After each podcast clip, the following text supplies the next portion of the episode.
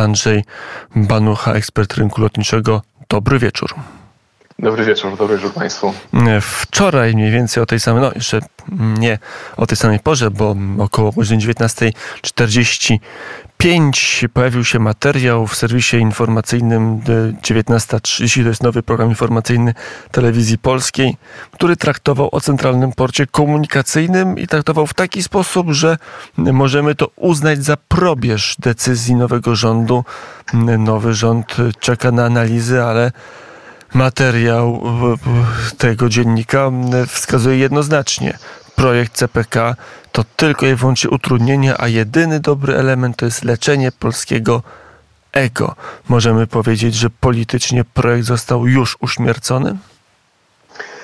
Przyznam szczerze, e, wie pan, panie, redaktor, panie redaktorze, że ciężko mi jest zrozumieć w ogóle, co się dzieje, tak na dobrą sprawę. Dlatego, że z jednej strony no, są takie informacje, że będzie, będą prowadzone analizy, będą prowadzone audyty, no i tak powiedzmy sobie szczerze, no z punktu widzenia takiego naturalnego procesu przejścia e, władzy, jeśli chodzi, prawda, tutaj mamy, zarządzamy jakąś dużą inwestycją, ktoś nowy to bierze jakiś taki audyt, wydaje się czymś całkiem rozsądnym. Natomiast rzeczywiście to takie tło, które za tym e, wszystkim stoi, czy obok tego wszystkiego stoi, o hasła tak zwane Stop CPK, tak? Jest taki ruch Stop CPK, zresztą główny bohater tego ruchu Stop CPK właśnie w wiadomościach no, był bohaterem reportażu na temat, na temat CPK.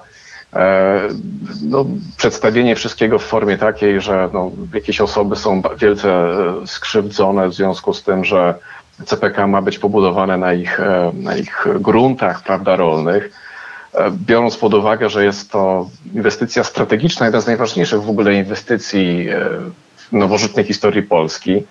Tutaj, prawda, przyrównywanie tego do życiodajnej gleby, no, no, wydaje się takie trochę dziwne.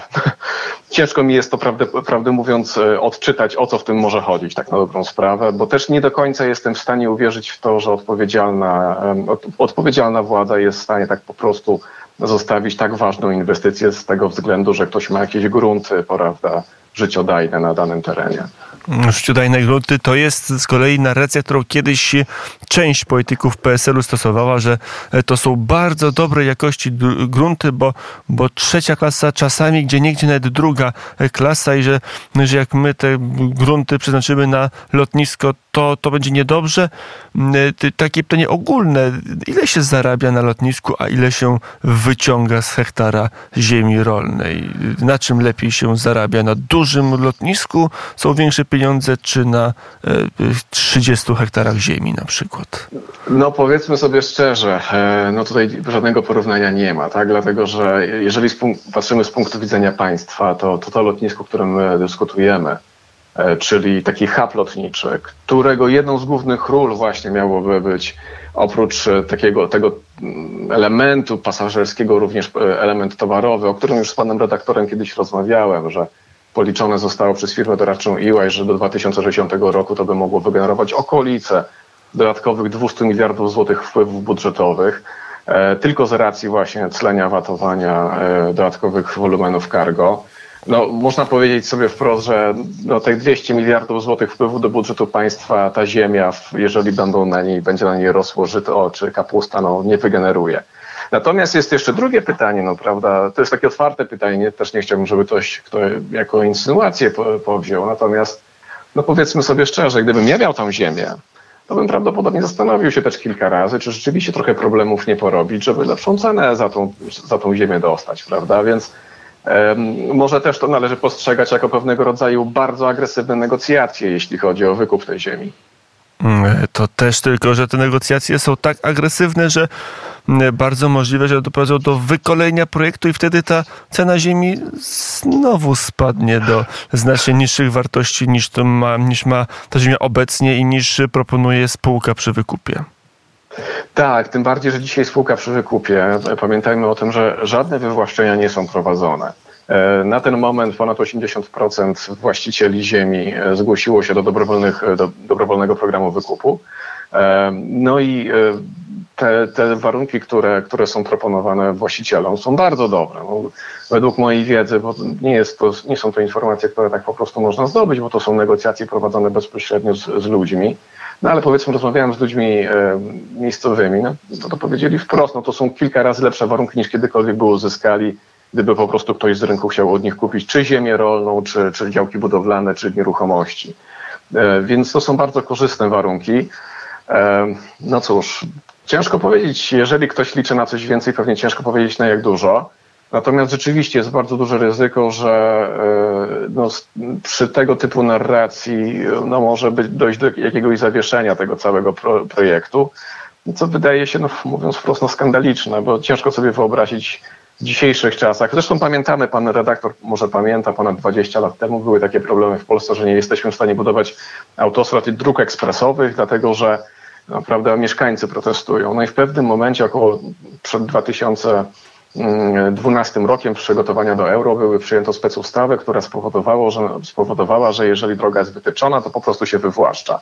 No i nagle wszystko ruszyło z kopyta, prawda, te, te, to budowa tych dróg ekspresowych i autostrad. E, no i tutaj mówimy o podobnej, podobnej skali, skali wyzwania, podobnej wadze. No, strategiczna infrastruktura dla państwa, absolutnie.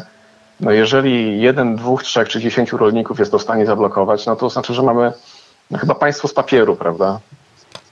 E, tak to może mm, wyglądać.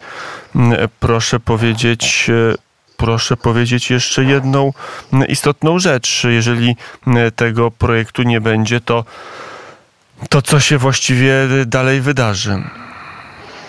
No cóż, jeżeli projektu nie będzie, to troszeczkę się pozycjonujemy na, jako takie peryferia lotnicze. I to jest rzeczy bardzo, bardzo ważna sprawa, dlatego że no tutaj niektórzy słuchacze mogą uznać, że no, mamy Okęcie, mamy Modlin, tam teraz Radom został otwarty, są lotniska regionalne, więc w czym jest problem, prawda? Lataliśmy do tej pory, będziemy latać. No problem polega na tym, że my jako gospodarka, jako Polska, polska gospodarka rośniemy i My już jesteśmy dzisiaj na takim etapie, gdzie nie powinniśmy mieć pośredników w innych hubach lotniczych. A tak się składa, że e, no niestety, jeżeli będzie ruch rósł, to przy już dzisiaj całkowicie zapchanym Okęciu, mm, no będziemy musieli latać przez inne huby lotnicze, przez Frankfurt, przez Stambuł, przez Dubaj, przez Amsterdam. Tam będziemy, e, prawda, napędzać ruch tamtejszych linii lotniczych w dalekich lotach, tutaj przede wszystkim mam na myśli, tak, międzykontynentalne do Ameryk czy do Azji E, więc nasi, nasi pasażerowie będą jakby rozwijać tamte, tamte porty lotnicze, tamte huby i tamte linie lotnicze.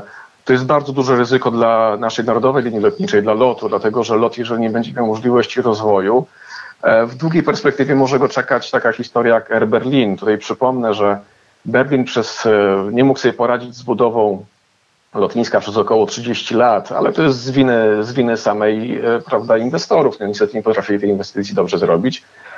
No i były trzy lotniska w tamtym czasie.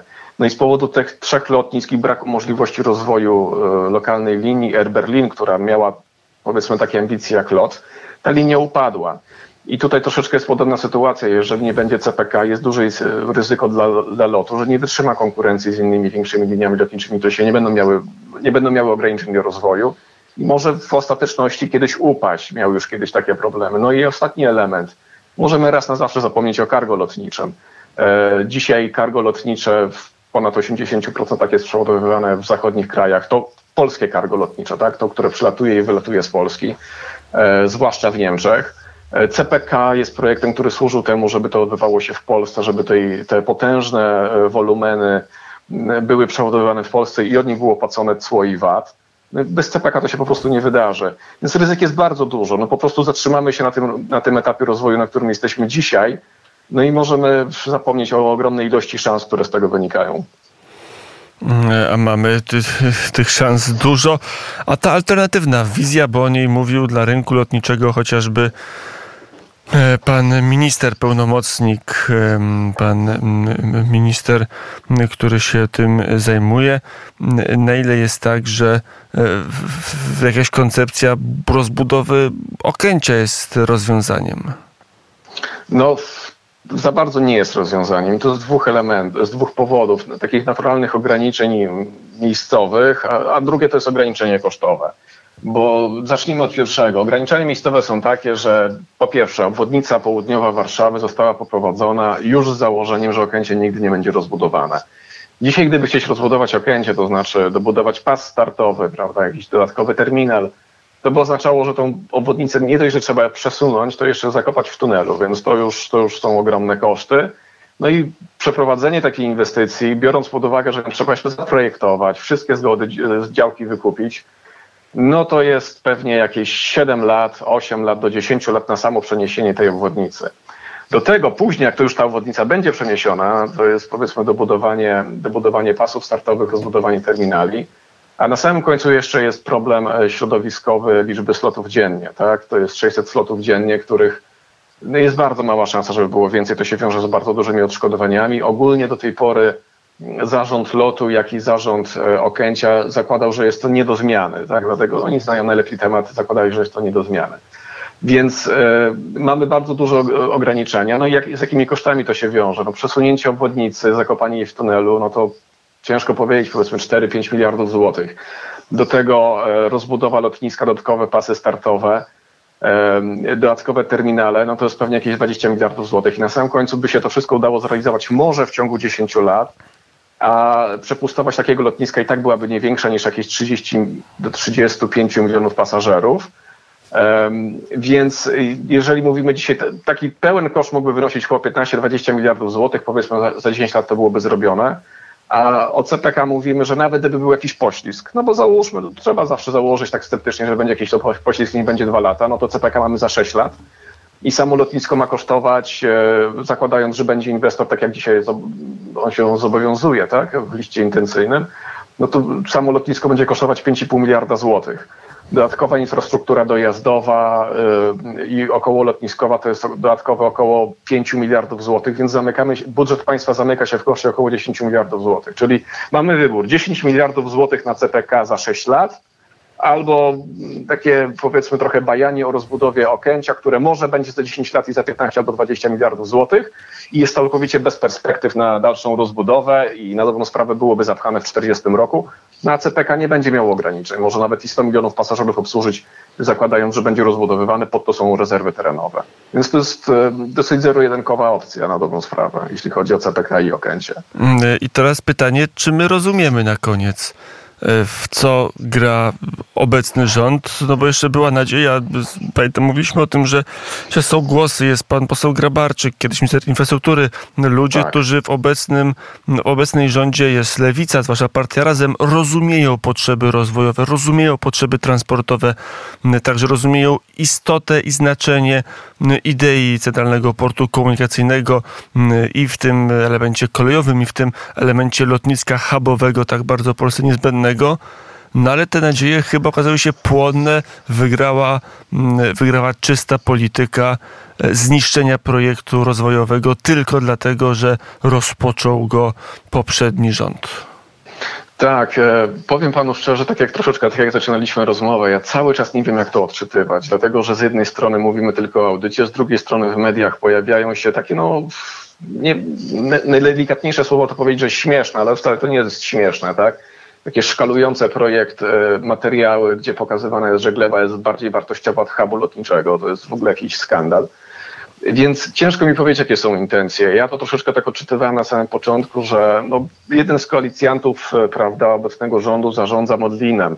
Więc trochę tak odczytywałem, że chęć, e, żeby, żeby troszeczkę może wstrzymać tą, ten, ten projekt CPK, żeby wykazać zasadność rozbudowy Modlina, dlatego że powiedzmy no, komuś zależy na rozbudowie Modlina. Natomiast to już dzisiaj idzie w takim kierunku, że naprawdę nie wiem, jakie są intencje i naprawdę się boję, że to może być E, zakończenie tego projektu, co byłoby w ogóle jakimś chichotem losu, dlatego że w 2010 roku rząd Platformy Obywatelskiej i PSL-u zamówił e, za, jeden, za około 11 milionów e, złotych potężną analizę konsorcjum firm doradczych, cztery firmy doradcze. To jest kilka tysięcy stron analizy na temat e, takiego postawionego problemu, czy Polska potrzebuje, czy Warszawa i w ogóle Polska potrzebuje nowego lotniska, jeżeli tak, to gdzie i w jakim wymiarze.